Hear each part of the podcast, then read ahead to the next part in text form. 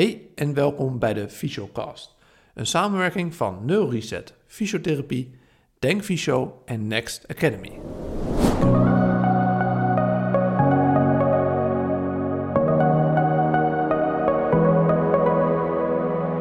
Dit is de podcast voor fysiotherapeuten, kinesiotherapeuten en alle andere gezondheidsexperts in Nederland en België. Het gaat je enorm veel tips en kennis geven die je direct in de praktijk kunt toepassen. Met een kritische en nuchtere blik dagen we jou en onszelf uit om verder te denken. In deze podcast spreken we met Simone Gouw over kaakdysfuncties en kaakklemmen, oftewel bruxisme. Simone is orofaciaal en psychosomatisch fysiotherapeute met diverse wetenschappelijke publicaties op haar naam. Ze werkt op dit moment als fysiotherapeut op de Academie Instituut in Utrecht. Daarnaast is ze ook wetenschappelijk docent binnen opleiding natologie. Naast geeft ze bij Denkfysio de opleiding diagnostiek en behandeling van kaakdysfunctie. Tijdens deze cursusdag krijgt de fysiotherapeut een supersnel cursus in diagnostiek en behandeling van de kaakdysfuncties, ofwel DMD. Voor meer informatie check de website van Denkfysio. We wensen je heel veel luisterplezier en volg ons ook nog even op Instagram via neuroreset-fysio, Denkfysio en Next Academy.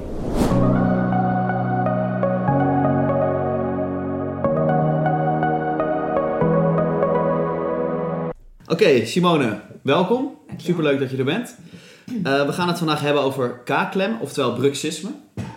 En we gaan het in het kort ook nog even hebben over kaakdysfuncties. Maar wil je even in het kort uitleggen wat bruxisme precies is? Yes, ja, bruxisme is het kaakklemmen en tandenknarsen. Mm tenminste, dat zijn de uitingen, want eigenlijk eh, is het het herhaaldelijk aanspannen van je kauwspieren. En het uitzicht dus in klemmen en knarsen. Maar dat is eh, wat bruxisme is. Kauwspieren beginnen we meteen maar even mee. Welke zijn dat precies? We hebben twee kauwspieren. In de wang heb je de masseter. Mhm. En tegen de zijkant van je slaap heb je de temporalis. Dat zijn de kaaksluiters, dus de echte kauwspieren. Ehm, maar die werken wel samen met onder andere de nek- en halsspieren. Dus binnen mijn vakgebied hebben we het eigenlijk altijd over het bovenste lichaamskwadrant als één ja, functionerend systeem. Als in, je kan ze niet echt los zien. Ook. Nee, Nee. nee, nee. Wij zeggen in de praktijk ook heel vaak tandenknarsen doe je met je nek. Dat is Mm. dus niet alleen maar met je kaken. Ja. En als we het dan hebben over bruxisme, wat zijn daar de oorzaken van? Eh, dat is een hele goede vraag, want eh, er zijn, is geen één oorzaak bekend. We weten ook nog niet helemaal het werkingsmechanisme in het brein. Eh, we kennen vooral heel wat eh, mogelijk beïnvloedende factoren. Het meest bekende is stress. Het letterlijk verbijten, het doorbijten, de kies op elkaar zetten. En daar helpt die Nederlandse taal ons gewoon heel erg in. Mhm. Maar ook andere emoties zoals angst, boosheid, frustratie. Dat kunnen we ons misschien ook al voorstellen. Maar andere bekende of belangrijke factoren zijn leefstijlfactoren. Een aantal middelen eh, zoals nicotine, alcohol, cafeïne en amfetamine.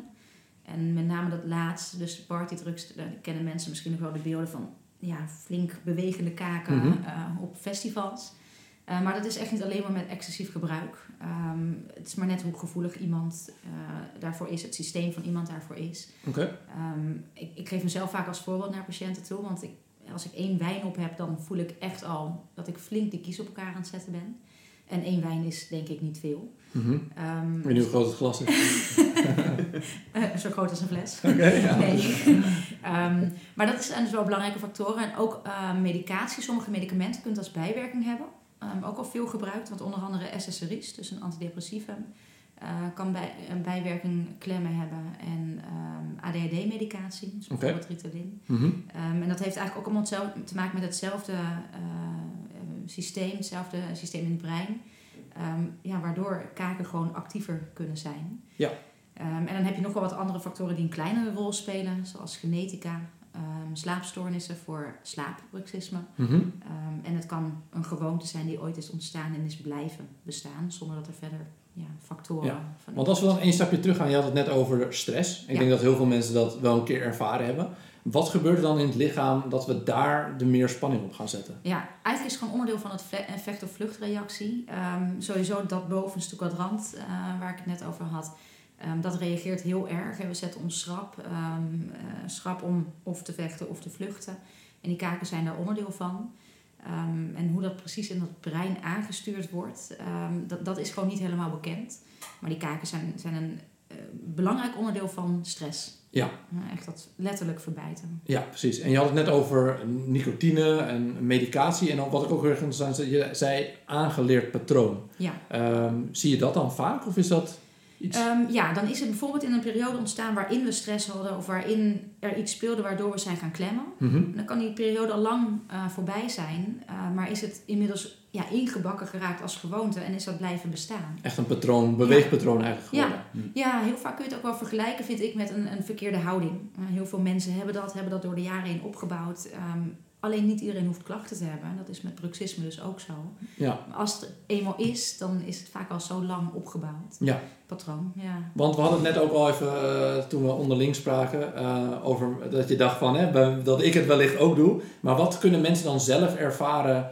Ehm, ik denk dat sommige mensen het niet eens weten dat ze het doen. Ehm, maar merken ze dan dat ze in de auto zitten en de hele tijd op één kant bijten? Of dat ze, wat zijn dingen waar je het zelf aan kan herkennen dat je zoiets hebt? Of dat een klant het heeft of een patiënt? Nou, in feite is kaakklemmen, bruxisme al zodra de kiezen elkaar raken buiten het normale functioneren om. Mhm. Dus we horen de kiezen op elkaar te hebben als we kauwen, ook als we slikken, maar alles daarbuiten niet. En er zijn heel veel mensen die hebben continu die kiezen op elkaar, omdat Ja. ze of denken dat dat moet, of dat voelt prettig. Maar dan noem je het dus eigenlijk al kaakklemmen, dus bruxisme. Uh, dus kiezen horen los. Ehm, als je het veel doet, kun je het merken aan spierspanning. Ehm, je kunt het zien. Mhm. Ik zag het bij jou daarom dat, dat ik het dacht, omdat jij echt spierballetjes op de wangen hebt liggen. En die krijg je niet zomaar, niet van normaal functioneren. Dus blijkbaar train jij ze.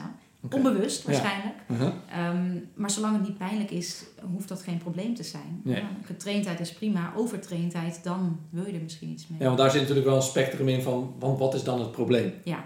En wanneer komen er problemen? Wat zijn voorkomende problemen die mensen met bruxisme hebben? Ehm, gewichtsproblemen, eh tandslijtage. Dat is ook vaak hoe mensen het voor het eerst achterkomen dat een tandarts het bijvoorbeeld benoemt. Mhm. Eh, maar ook het breken van eh, vullingen, kronen, bruggen, implantaten, ehm kunstgebieden en van alles. Mhm. Kan kapot gemaakt worden.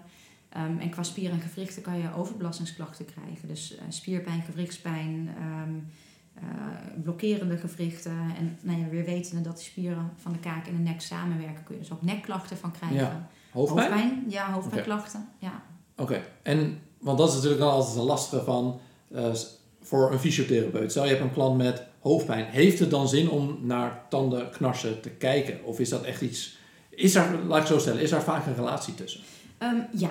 Ja, ehm, hoofdpijn kan echt heel vaak vanuit het koustelsel komen. En dat kan of komen doordat die spier, die temporalis spier, waar die ligt, dat is Mhm. een plek waar we hoofdpijn kunnen ervaren. Dus kouspierpijn is dan misschien eh, de oorzaak van die hoofdpijn.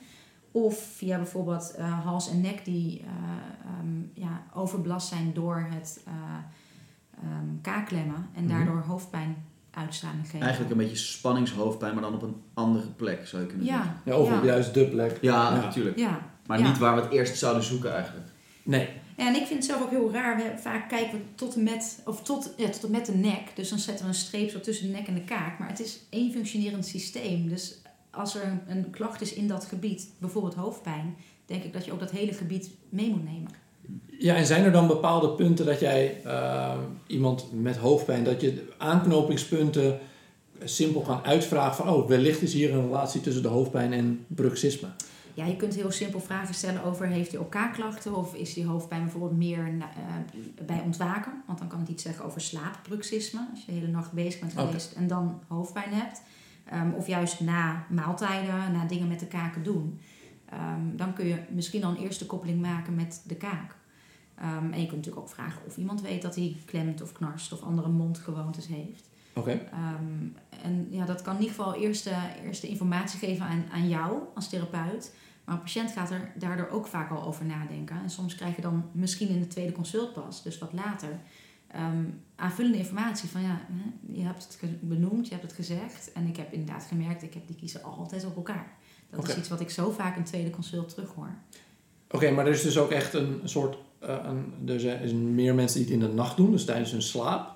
En meer mensen die het overdag doen? Of zijn er mensen die het s'nachts doen, die doen het ook overdag? Of is er Alles soort kan. Je hebt Alles waak- en slaapbruxisme, dus gewoon tijdens waaktoestand, tijdens slaaptoestand. Mhm. Ehm, en iemand kan het alleen in de slaap doen en overdag niet. En andersom. En iemand kan het ook beide doen. Ehm, en daar, daar zit ook niet een, een voorspel, voorspellende waarde zeg maar in. Oké, Ehm, en dat slaapbruxisme is natuurlijk wel een stuk lastiger te achterhalen. Ja. Want als het goed is, slapen we. ja.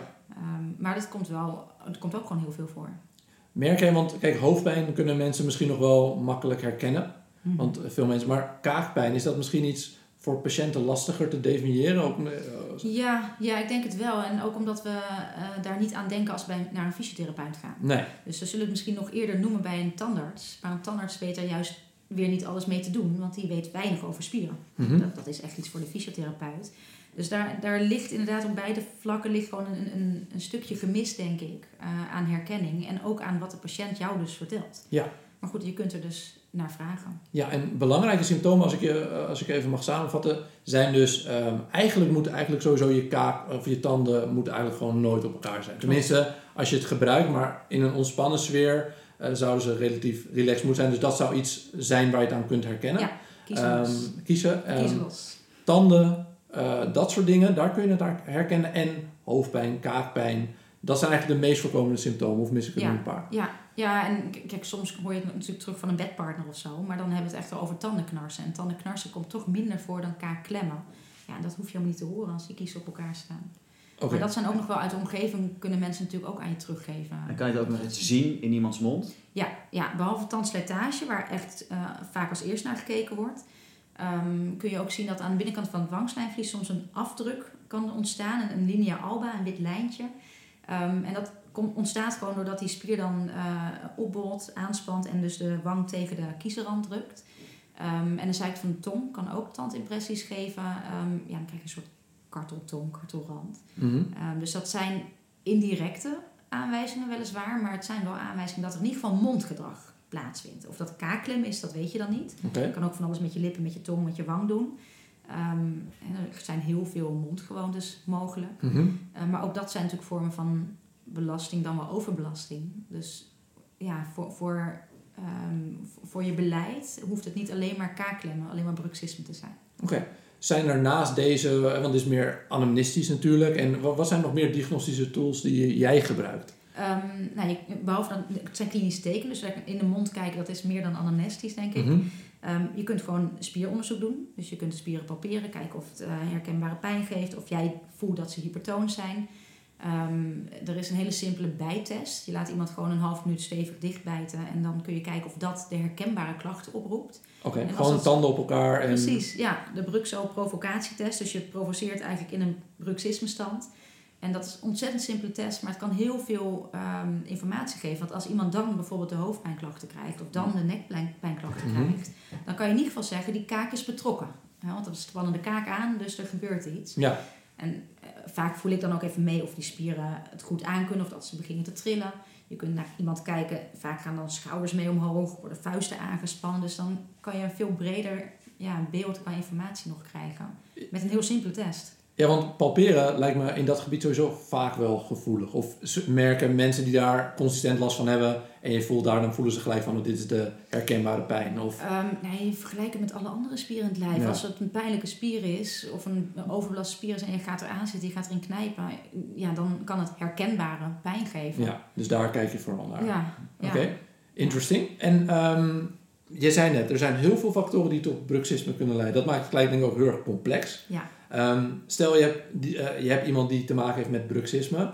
Hoe ga je voor de rest al die factoren in kaart brengen? Ehm, ja, je betrekt de patiënt natuurlijk. Dus je eh, geeft de patiënt de opdracht om eens op te gaan letten, ehm, überhaupt over de dag, wanneer die bruxeert, of de patronen te ontdekken zijn. Mhm. Ja, ik informeer vooral en meestal neemt de patiënt dat wel mee en gaat daar zelf wel ook in zoeken. En bijvoorbeeld met die leefstijlfactoren, met het middelengebruik. Ja, mensen moeten dat gewoon gaan opmerken. Hè. Dus dan eh, zien ze bij een avondje eh, alcohol drinken ineens wel dat ze bijvoorbeeld de dag daarna meer klachten hebben. Ja. Of die hoofdpijn is geen katerhoofdpijn, maar is gewoon spierpijn van die, kaak die kaakspier die uh, s'nachts bezig is geweest.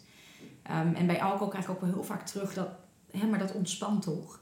En dat geeft inderdaad een ontspannen gevoel in de rest van het lijf. En het Ja. geeft een roze gevoel. Maar die kaken kunnen ondanks dat echt wel flink bezig. Maar dat is een kwestie van bewustwording. Maar je zegt die bewustwording komt vaak pas nadat mensen je al gezien hebben, nadat je die informatie hebt gegeven. Ja. Hoe komen Ja. mensen dan binnen hiermee? Ehm, doordat ze kaakklachten hebben of doordat ehm, bijvoorbeeld een tandarts of een eh, huisarts of een kaakchirurg eh, heeft benoemd dat er zoiets als fysiotherapie bestaat voor dit soort klachten. Ja. Wat in principe heel logisch is, want fysiotherapeuten doen iets met spieren en met gedrag. Ehm, en nou ja, dat, daar valt bruxisme prima onder. Ehm, maar het is gewoon nog een heel onbekend eh, vakgebied. Ja. Um, alhoewel wel steeds meer mensen um, ons ook wel weten te vinden, omdat, nou ja, uh, internet. ja, ja dat, dat helpt ook wel. ja. Ja, maar dan is het vervolgens inderdaad wel, uh, is het voor mensen te begrijpen dat er zoveel factoren mogelijk van invloed zijn. ja. Is, vind je dat lastig? Merk je dat mensen daar last mee? Want dat is met rugpijn is ook al best wel lastig voor mensen om, uh, ja, dat ze dan wordt verteld, ja, stress en al dat soort factoren. Ja, maar in je anamnese probeer je zelf natuurlijk al een beetje een selectie te maken welke voor die patiënt van belang zijn. Mm -hmm. Want ik, ik, vraag gewoon alles uit, dus ik vraag echt heel concreet naar gebruik je cafeïne? Zo ja, hoeveel heb je de indruk dat dat invloed heeft? Nou, zo ga ik heel veel van die factoren af. Mm -hmm. En dan kan ik zelf al uh, een deel weggooien, maar ik denk dat ze niet relevant zijn. Dus in je uitleg, in je counseling neem je dan, dan nog maar een deel mee die waarschijnlijk relevant kunnen zijn. Mm. Ja, en dan geef je ze gewoon de opdracht een stuk bewustwording te creëren. Um, en dat is even werken voor ze, maar de tweede keer als ze terugkomen, dan, dan kunnen ze je meer informatie geven en dan kun je heel gericht op de factoren die daadwerkelijk relevant zijn en die ze willen veranderen. Ja. Want ik wil niet geen wijn meer drinken, dus dat wil ik niet veranderen. Dus je accepteert het. Dus dan accepteer je het. Je neemt voor lief dat je daar dan last van hebt. Net zoals dat je een kater soort van voor lief neemt. Mm -hmm. uh, maar dan kun je dus heel gericht op die factoren een beleid inzetten. Ja. Maar ik kan me voorstellen dat het vooral, je benoemde het net al even kort, uh, er spelen, kunnen ook emoties meespelen als risicofactoren. Het kan Ja. best lastig zijn, denk ik, voor mensen, vooral als ze het niet doorhebben, dat boosheid, die misschien niet op de boven, of de niet de boventoon voert, dat dat ineens naar boven komt als factor wat uh, hier invloed op kan hebben. Ja, ja sowieso emoties en stress, dat, dat moet je altijd natuurlijk op een bepaalde manier brengen om niet uh, de patiënt kwijt te raken. Ja, Um, bij mijzelf persoonlijk helpt het heel erg dat ik ook psychosomatisch fysiotherapeut ben. Dus dan, dan weet je dat die weg vaak te fietsen en patiënten weten dat. Die hebben dat natuurlijk van tevoren Mm. gelezen, dus dan heb je al een ingang. Dat scheelt gewoon heel erg. Maar ik denk hier dat de Nederlandse taal heel erg kan helpen. Dus dat letterlijk verbijten, niet alleen figuurlijk, dat herkennen mensen gewoon. Ja. ja, En dan heb je heel ehm, luchtig dat, eh, dat bruggetje Ja. gemaakt. En ja, ze komen met klachten, dus ze willen er vanaf. Dus dan snappen ze ook dat ze minder moeten gaan verbijten. En dat begint met bewustwording. En daarna kun je kijken naar wat kun je met dat stukje stressmanagement doen. Of ehm, je gaat het soms ook omkeren. Dus hè, dan kan het zijn dat ze ehm, het, het bruxeren of de klachten daarvan krijgen. Dat ze dat gaan zien als een soort signaalfunctie van... oh, blijkbaar speelt er iets bij me. Ah, Dus ja. dan kunnen ze het ook weer... Het is maar net hoe je het dan ja, invliegt eigenlijk. Ja. Maar dat, het vraagt aandacht, ja. Want in de praktijk, welke van deze factoren denk jij dat het grootste aandeel heeft bij? uh, Wat zie je het meest? Eh, Toch wel een factor van stress. Oké. En stress is dan heel breed, want dat kan ook pijnverbijten zijn of stress door pijn. Ehm, eh, ja, stress is, is, hoeft niet altijd alleen maar psychologische stress te Nee. zijn die we echt ervaren als ik sta onder stress. Kan ook fysieke stress of... Ja, eh, en drukte, eh, veel bal in de lucht houden. Dus, eh, en, en tegenwoordig hebben natuurlijk gewoon heel veel mensen wel een vorm van stress of Ja. onrust. Dus dat komt ook vaak wel het meeste, meeste voor. Oké, en merk je dan ook als mensen, en dat is natuurlijk heel moeilijk om daar invloed op te hebben, maar als ze daar iets mee gaan doen, dat ze dan merken, hé, ik heb hier minder last van. Ja, ja, en bij de ene is natuurlijk veel meer nodig in dat stuk stressmanagement ehm, als voorwaarde om minder klachten te krijgen. Maar het feit dat je eh, iemand bewust maakt dat er gekaklemd wordt, je geeft wat trucjes om, om, om daar aandacht voor te hebben, dat te verminderen, dat te ontspannen. Dat geeft al een stuk vermindering. En dan hoef je nog helemaal niet klaar of ver te zijn met die stressmanagement om in ieder geval van je klachten al wat minder last te hebben. Maar dan is het advies wel altijd, strek dat stukje stressmanagement door. Ja, en Dat heb je niet zomaar veranderd. Nee, en zou je ons dan een beetje mee kunnen nemen, oké, eh, je hebt iemand gezien, je hebt gediagnosticeerd dat dit het is. Hoe ziet zo'n plan er dan ongeveer uit? En wat zijn nog andere interventies die je Ja. toepast? Ehm, nou, wat ik altijd doe, is ik neem iemand ook echt mee in het verhaal van wat weten we over bruxisme. Dus bijvoorbeeld, dit en dit zijn de risicofactoren, eh, nek en kaak hangen samen. Dus je maakt iemand even mede-eigenaar van die kennis over dit fenomeen. Ehm, dat helpt al in het stuk zelfmanagement, wat je straks van de patiënt gaat vragen. Mhm. Ehm, en ik neem eh, eh, iemand ook mee in het assortiment, zo noem ik het maar vaak, wat we hebben. En dat is op dit moment het multiple P-beleid, zo noemen Zo. ze wat we nu hebben voor bruxisme. Mhm. En dat is niets meer dan ja, de vijf behandelcategorieën ehm, die beschreven staan. En daar hebben ze allemaal een P-naam aangegeven voor het gemak. Die loop ik allemaal langs en dan kun je samen met de patiënt kijken wat het meest interessant is. Ehm, en die P staan voor eh pep talk, stomme term, maar Mhm. ze worden een P. En dat is eigenlijk precies wat we nu al doornemen. Dus gewoon uitleggen over het fenomeen, wat zijn de risicofactoren.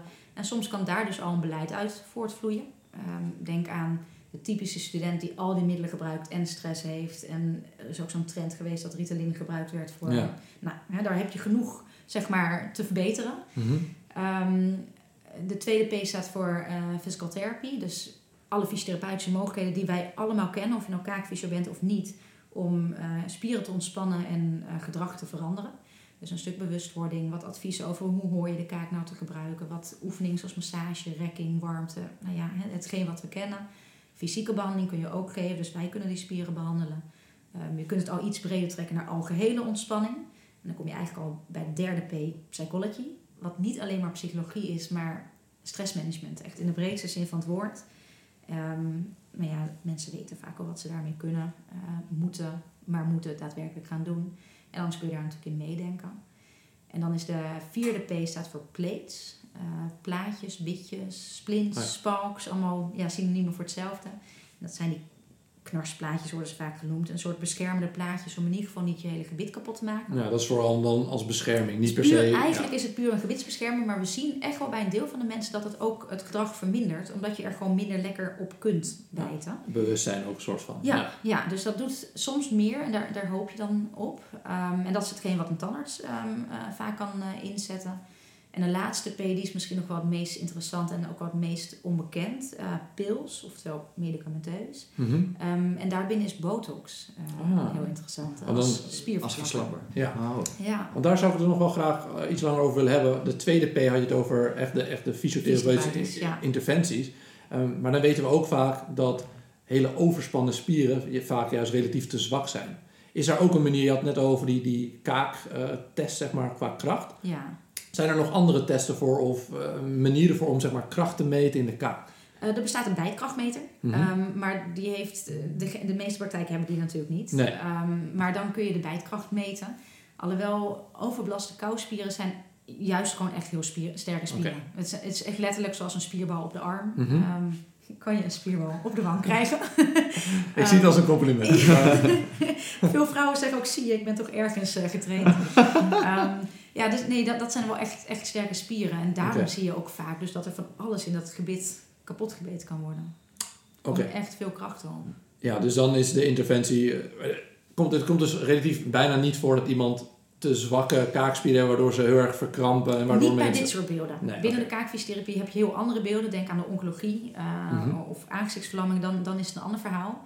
Maar bij deze veel voorkomende klachten is het eigenlijk altijd juist overbelasting. Echt proberen minder te trainen. En jij hebt natuurlijk veel met wetenschappelijke literatuur te maken. En dat is natuurlijk altijd wel een beetje lastig in fysiotherapie met interventies. Zijn die ook, eh, werkt dat? En hoe, want massage bijvoorbeeld, dat is natuurlijk, ja... eh, Symptoombestrijding. ja.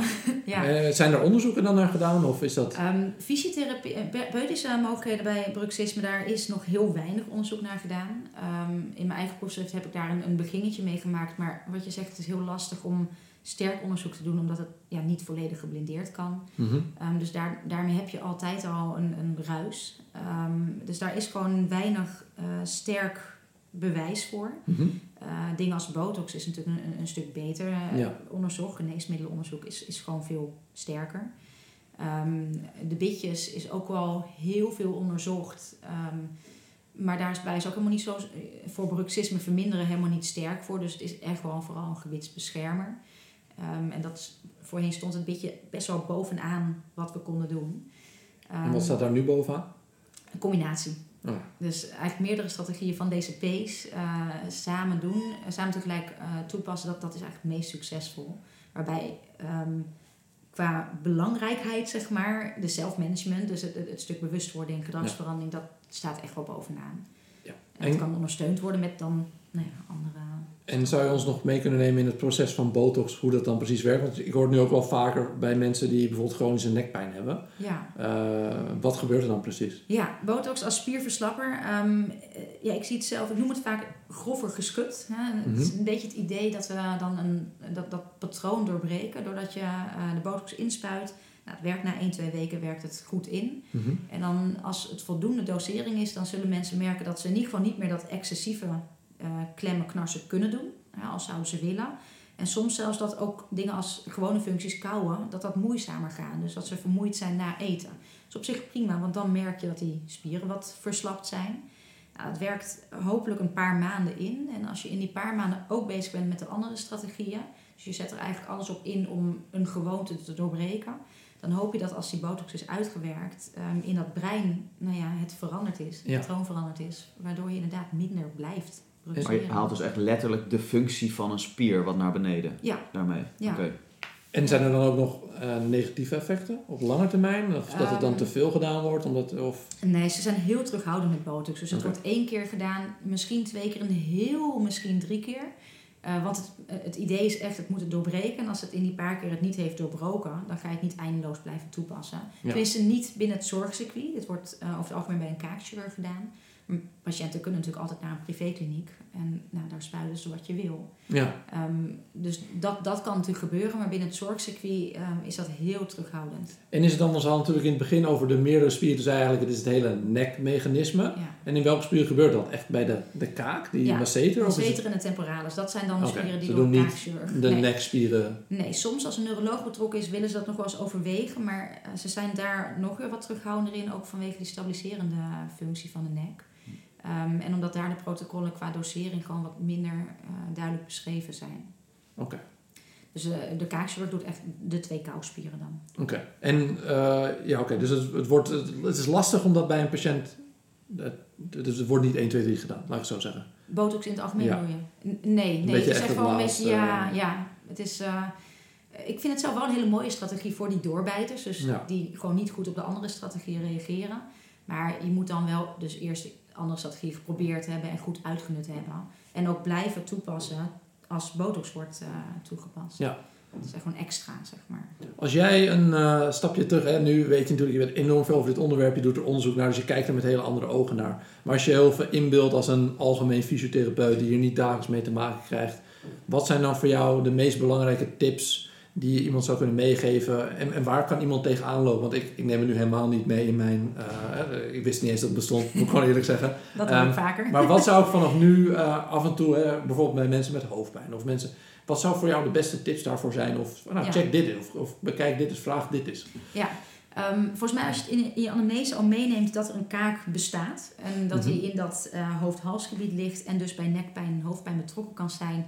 En je stelt de vraag eh, of iemand ook kaakklachten heeft, of iemand bijvoorbeeld toename van die klachten heeft, ehm, bijvoorbeeld bij het ontwaken. Dat kan iets zeggen over aanwezigheid van slaapbruxisme of eh, na een maaltijd meer last hebben. Ehm, dus de functies eigenlijk van de kaak uitvraag, dat kan helpen. Ehm, vragen of iemand weet dat hij mondgewoontes heeft. Mhm. Dus wat kaaklem, tandenknars, maar misschien ook wel andere dingen zoals nagelbijten. Heel veel kauwgom kauwen, met de lip of tong spelen. Dus in je anamnese kun je al daar wat eh, informatie over Ja. inwinnen. Bepaalde medicatie dan Ja, de risicofactoren Dus- zou je kunnen ja. uitvragen. En dan dus het effect op de klachten waar iemand zich mee presenteert. En in het onderzoek, ja, je kunt ehm, kijken naar iemands gezicht. Mhm. Je kunt in de mond ehm, eh, dus naar aanwijzingen kijken. Ehm, je kunt spieren onderzoeken. Dus je kunt Voelen. scoperen, voelen, pijn, eh, provocatie, dat soort dingen. Maar ik denk dat de allermooiste test nog wel de Bruxo-provocatietest is. Dus je provoceert eigenlijk in een Bruxo-positie. En dat betekent dat iemand gewoon gaat dichtbijten Mhm. half minuut lang. Ehm, en dan kijk je gewoon of de herkenbare klachten opkomen. Ehm, en als dat zo is, iemand krijgt dan die hoofdpijn, dan die nekpijn, dan kun je heel makkelijk de link leggen dat als er iets met die kaken gedaan wordt, dat dan die klachten komen. Ja. Ja. En vaak zie je ook wel als iemand dat doet, dat bijvoorbeeld die schouders opgetrokken raken, dat eh, iemand zich in, eh, in het gezicht gaat aanspannen, dat hij vuisten aan gaat Ja. spannen. Dus het kan je ja, een breder aanspanningspatroon eh, Ja. eh, laten zien. En zeg jij dan als ehm, specialist, stel als algemeen fysiotherapeut, heb je iemand die denkt, nou dat zou best wel iets eh, in relatie kunnen hebben. Zeg je dan, nou dan kun je het best gewoon doorverwijzen, want dit zijn vaak complexe problemen. Of zeg jij van, nou je kan misschien als algemeen fysiotherapeut altijd gewoon een beginnetje maken. En wat is dan dat beginnetje als je Ja. dat denkt? Dat laatste, dat laatste. Je hoeft echt geen kaakfysio eh, te zijn om, om een start te maken. Want op het moment dat jij al er aandacht voor hebt in je onderzoek... ehm, en het dus meegeeft aan de patiënt... ehm, alleen al informatief, hè, van goh, er bestaat een kaak... er zijn bepaalde eh, mondgewoontes, er zijn bepaalde risicofactoren... De meeste patiënten gaan daar wel mee aan de gang. Mhm. Die lopen de deur uit en die gaan de dagen of weken daarna opletten... ja, goh, wat doe ik daar eigenlijk? En dan kan het zomaar zijn dat zij in een tweede consult erop terugkomen en dat jij dus gewoon meer informatie daarover krijgt. En anders kun je dat natuurlijk aansturen door inderdaad die bewustwording te vragen. Van ga eens Oké. de komende tijd letten op de kaak, op mondgewoontes, op deze risicofactoren. Ehm, ja, en het feit dat de patiënt dat vaak wel oppakt, maakt dat je er zelf ja, of samen echt Mhm. al heel veel mee kan. En wanneer is dan voor jou het moment om wel door te sturen? En bij wie? Of zijn er specifieke doelgroepen die zeggen, oké, die is sowieso ja. beter om altijd door te sturen? Kijk, op het moment dat je na ook een stuk bewustwording eh, vindt dat die kaak betrokken moet worden, kun je denk ik als, als algemeen fysiotherapeut er ook heel veel mee. Want we weten hoe we spieren kunnen ontspannen. We weten iets over gedragsverandering. Ja, dus massages, warmte, rekkingen, dat, dat kunnen we allemaal. Alleen is het even op een ander gebied. Mhm. Ehm, dus ik denk dat je ook daar nog heel, eh, heel ver mee kunt komen. En ja, volgens mij als je zelf denkt, ik kom hier niet meer uit, ik voel me hier onzeker over, dan zou je kunnen kijken naar of een kaakfysiotherapeut, dat is denk ik meest laagdrempelig. Ehm, zijn het nog complexere casuïstiek, dan zijn er wel andere kaakspecialisten die mee kunnen kijken. Ehm, bijvoorbeeld gnatologen, dat zijn dan weer specialisten binnen de tandheelkunde. Maar goed, de kaakfysio heeft daar het netwerk werk, werk wel voor. Dus volgens mij is de eerste stap gewoon een kaakfysio eh, consulteren. En we zouden eigenlijk de eerste drie P's van die vijf P's, dus gewoon fysiotherapie, noem even massage, die pep talk, dus Ja. inderdaad over hebben.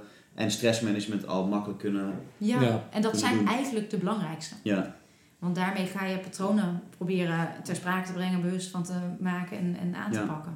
Ja. Hm. En anders loop je vanzelf tegenaan dat klachten toch niet helemaal overgaan. Of dat je steeds sterker het vermoeden hebt dat er inderdaad iets in die kaak gebeurt. En dan kun je altijd eh, een huisartsstandaards of jouw fysiotherapeut eh, vragen. Oké. Simone, we zouden je graag een stelling willen voorleggen. altijd leuk. Ja. Ehm, stelling 1 is, bruxisme is altijd een psychosomatisch probleem. Eens of oneens? Oneens. Zou je hem iets kunnen willen toelichten? volmondig. ja. Nou ja, eh, terugkomend op alle factoren die ik net noemde. Ja. eh, stress is wel echt ehm, het meest bekende en denk ook wel de meest betrokken eh, factor. Maar zeker niet de enige. Er zijn genoeg mensen ehm, eh, met stress of angst of andere eh, psychosociale factoren die geen bruxisme hebben. En andersom, eh, mensen die bruxisme hebben en echt geen last van stress of dat soort dingen. Dus nee, dat niet mee eens. Oké, duidelijk. Dan hebben we nog een andere stelling. Ja. Er is nog geen goede wetenschappelijke manier om bruxisme te diagnosticeren. Ehm, eh, mee eens en niet mee eens. Oké. Ehm, die is er, ehm, maar die is eigenlijk alleen maar ehm, binnen de wetenschap eh, toegepast. Want je kunt eh, voor eh waakbruxisme EMG elektrodes gebruiken en voor slaap nog uitgebreider polysomnografie, dus slaaponderzoek, waarmee je ook EMG meet. En dan kun je ehm bruxisme eigenlijk heel goed in kaart brengen. Maar dat is ontzettend duur, ontzettend tijdrovend en ontzettend lastig onderzoek. Mhm. Dus dat zie je eigenlijk alleen maar in wetenschappelijk onderzoek. Maar dan meten ze de activiteit van de kaak. Ja, Dus dan zijn er een soort van basiswaardes die iedereen... Ja, en iedereen- er zijn ook een aantal afkappunten bepaald van als je zo vaak dan eh, boven die EMG-activiteit komt met de kouspieren, dan noemen we het bruxisme. Ja, En dus is het gewoon het aantal momenten EMG tellen eh, op zo'n analyse. En dan noemen we het officieel bruxisme. Maar dat, nogmaals, dat wordt alleen in wetenschap gebruikt. Dat is gewoon niet handig voor de praktijk. Bovendien, de vraag is of het je beleid nou echt verandert. Als jij al een vermoeden hebt dat er bruxisme meespeelt en je gaat daar iets mee doen. En dan zouden wij als simpele fysiotherapeuten gewoon die provocatietest kunnen doen en dan ben je Ja. al heel eind. Ja, Hm. Ja. ja. duidelijk. Oké, dan zouden we ook nog graag eh, verder willen gaan met kaakdysfuncties, Yes. ofwel TMD. Eh, ik ga me, hè, jij mag zo meteen die afkorting eh, volmondig uitspreken. Zou je ons kort willen uitleggen wat eh, kaakdysfuncties zijn, ofwel Ja. TMD? TMD, temporomandibulaire dysfunctie. Kijk, Ehm, ook wel eens CMD, craniomandibulaire dysfuncties genoemd. En tegenwoordig zijn ze weer eh, bezig met een nieuwe term. Ehm, dat geeft al aan, blijkbaar moeten we er een term voor hebben en zijn we niet helemaal ehm, ja, eens met die term. Kaakdysfunctie, het zijn gewoon klachten in het kaakgebied. Ehm, Mhm. dus ik vergelijk TMD vaak met A-specifieke lage rugklachten. Je weet waar het zit en dat er iets niet lekker voelt. Maar je weet, en je weet, niet, weet dat het geen tumor, geen fractuur, dat soort dingen is. Maar wat er precies eh, is, dat moet je eigenlijk nog verder onderzoeken. En dat is TMD ook. Het is een soort paraplu-term voor kaakklachten op het musculoskeletale gebied. Oké, en hoe kunnen deze klachten zich uiten? Is dat dan vaak, nou dat is net als met hetzelfde natuurlijk met waar we het net over hadden, maar is dat dan pijn of kunnen Ja. mensen niet goed kauwen? Of Ja, wat je kunt het een beetje onderverdelen in pijn. Dat is de grootste groep eh, patiënten. Eh, bewegingsbeperking, dus mensen die gewoon hun mond niet ver genoeg open kunnen krijgen. Oké, Eh, en gewrichtsgeluiden, dus knappende, krakende, klikkende gewrichten. Dat Ja. zijn een beetje de categorieën. Eh, wat dus dan vooral dat laatste vervelend is voor mensen, maar is dat schadelijk? ligt eraan uh, wat de reden is dat het knapt of klikt. Oké. Ehm, eh, het meest voorkomende is dat het meniscusje in het kaakgewricht wat verschoven is. En dat kan ja, een best wel harde knap geven. En de patiënt hoort het zelf ook nog harder, omdat het natuurlijk net Ja. op het gehoorgang ligt. Ja, maar je soms best wel hard als mensen aan, dan hoor je echt dat. Ja, Eh, ja, ja, ik heb ook één patiënt, dat hoor je echt in de kamer Oh, hiernaast. dus- maar die heeft nergens last van. Oké. Eh, zijn dochter heeft er meer ehm, schaamte van. Als ze uit eten zijn samen, dan hoor, hoor je dat heel erg. En, en dat, dat kan sociaal wat onwenselijk zijn. Mhm. Maar hij heeft er geen pijn van. Hij heeft geen blokkerende kaak. En als je die twee dingen niet hebt, dan hoef je er ook eigenlijk niks mee te doen. Behalve wat gebruiksadviezen van de kaak geven. Omdat bijvoorbeeld met mondgewoontes, als je dan verkeerd belast en je hebt zo'n knap, ja, dan kan het op een gegeven moment wat irriterend worden. Ja, Ehm, dus dan ga je een soort van voorwaarden scheppen om in ieder geval eh, de kaak goed te gebruiken. oké. En als we het hebben over pijn, eh, voelen mensen dan vaak, een, hoe zou je die pijn omschrijven? Is dat vaak een zeurende pijn, een scherpe pijn als ze hun mond open doen? Of wat, wat is de... Ja, dat is in ieder geval functiegerelateerd. Dus op het moment dat ze de kaak gebruiken, kauwen, eh, praten, lachen, gapen, kussen, dat soort dingen, Mhm. dan is vaak de pijn vooral aanwezig. En dat is echt een, een spierpijn, dus zeurend, drukkend, soms wordt het licht stekend eh, aangegeven. Ja, een typische, typische spierpijn eigenlijk. Ja, en wat zijn dan, eh, want we ze hebben natuurlijk net het over bruxisme gehad, daar horen we dit soort problemen dan eigenlijk ook en ook de symptomen die erbij horen. Maar wat zijn dan de twee verschillen? Ehm, bruxisme is gewoon een activiteit. Dus wij doen eh, iets met de kaak. We, s- we, spannen de kaaksluiters aan. En dat uit zich in klem en knarsen. Eh, en TMD is het feit dat je een klacht hebt in die kaak.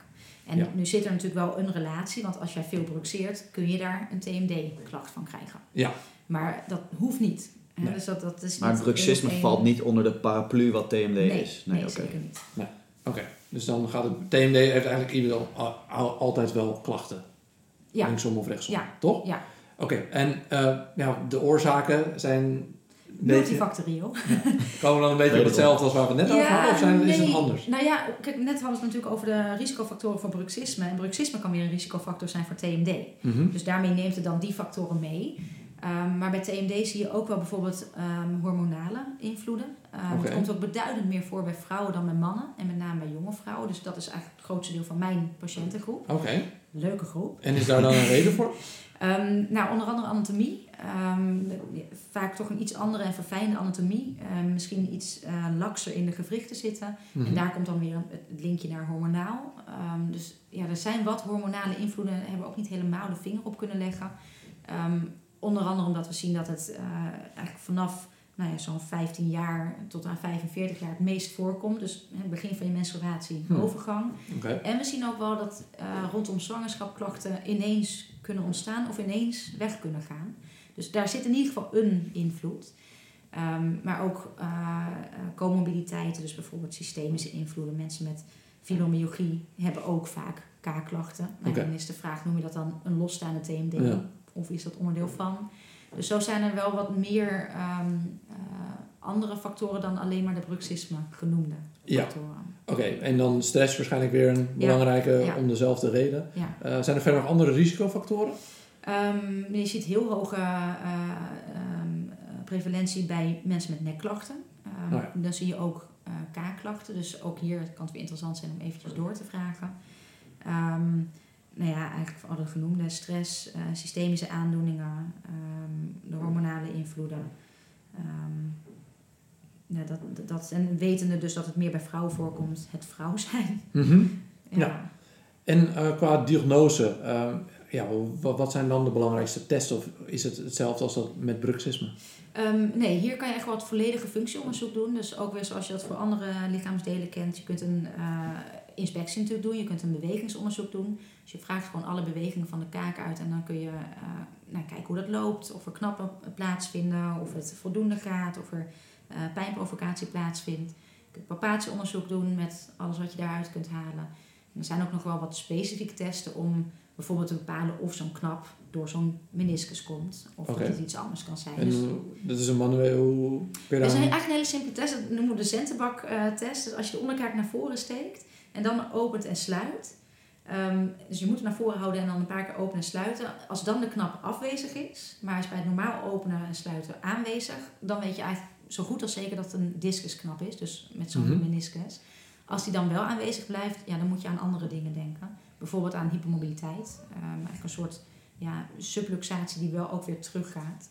Um, komt wel een stuk minder voor, maar dat, dat kan een differentiërende, ja, differentiërende test zijn tussen... Oh ja. En als de test wel positief is, maar het doet geen pijn, dan is het, is het een knap jammer, maar ja. dan blijft dat... Ja, dat is, gewoon een knappend kaakgericht zonder pijn. Ja, dat zien we eigenlijk steeds meer als een anatomische variatie. Het komt ook namelijk heel vaak zonder oorzaak op, um, of zonder uh, traumatisch moment, laat ik het zo noemen. Mm en ja, met wat uitleg, geruststelling, zijn hele mooie filmpjes die we daarbij kunnen laten zien. Uh, wat adviezen over hoe je de kaak het best kunt gebruiken.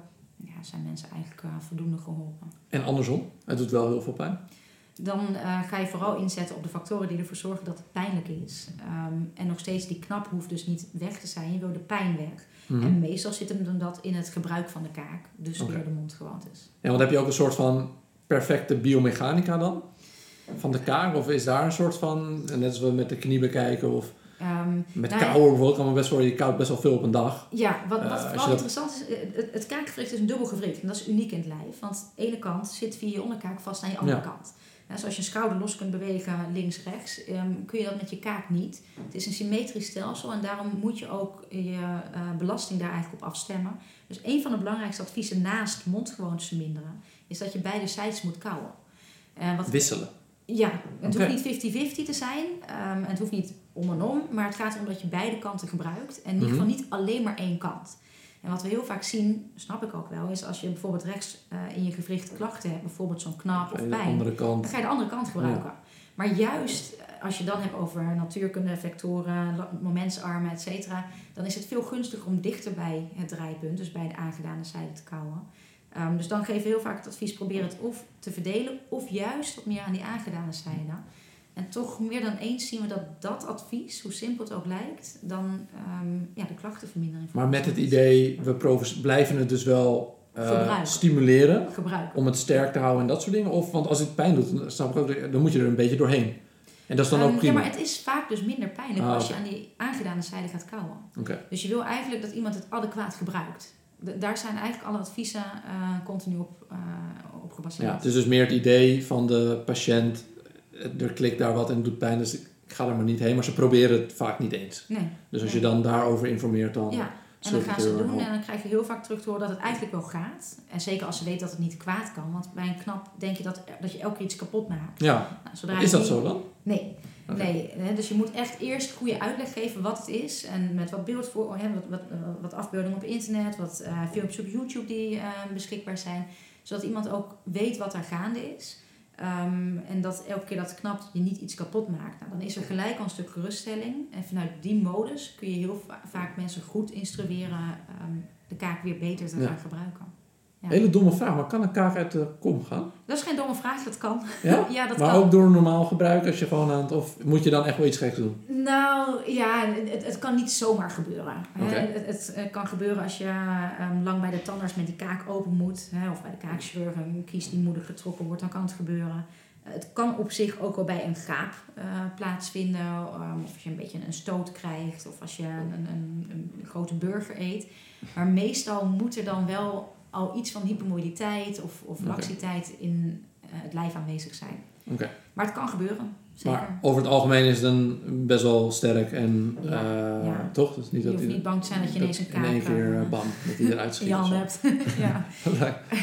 Oké. Okay. Um, wat is voor jou de meest waardevolle tip als je zeg maar nu een aantal jaren terug in de tijd, hè, je, hebt, je hebt best wel een lange carrière, um, je hebt al best wel veel gedaan en onderzocht. Wat had je nu anders gedaan? Ja, nee, mijn, mijn hoofdboodschap in ieder geval altijd naar niet-kaakfysiotherapeuten is... denk gewoon eens bij bijvoorbeeld nek- en hoofdpijnklachten aan de kaak. Ja, dat is denk ik wel echt Als je eraan denkt, dan kun je er een paar vragen over stellen. Kun je zo'n simpele bijtest doen. En al weet je niet zo goed wat je met dat antwoord moet... of met de, de, de onderzoeksresultaten moet... omdat je niet alle kennis hebt...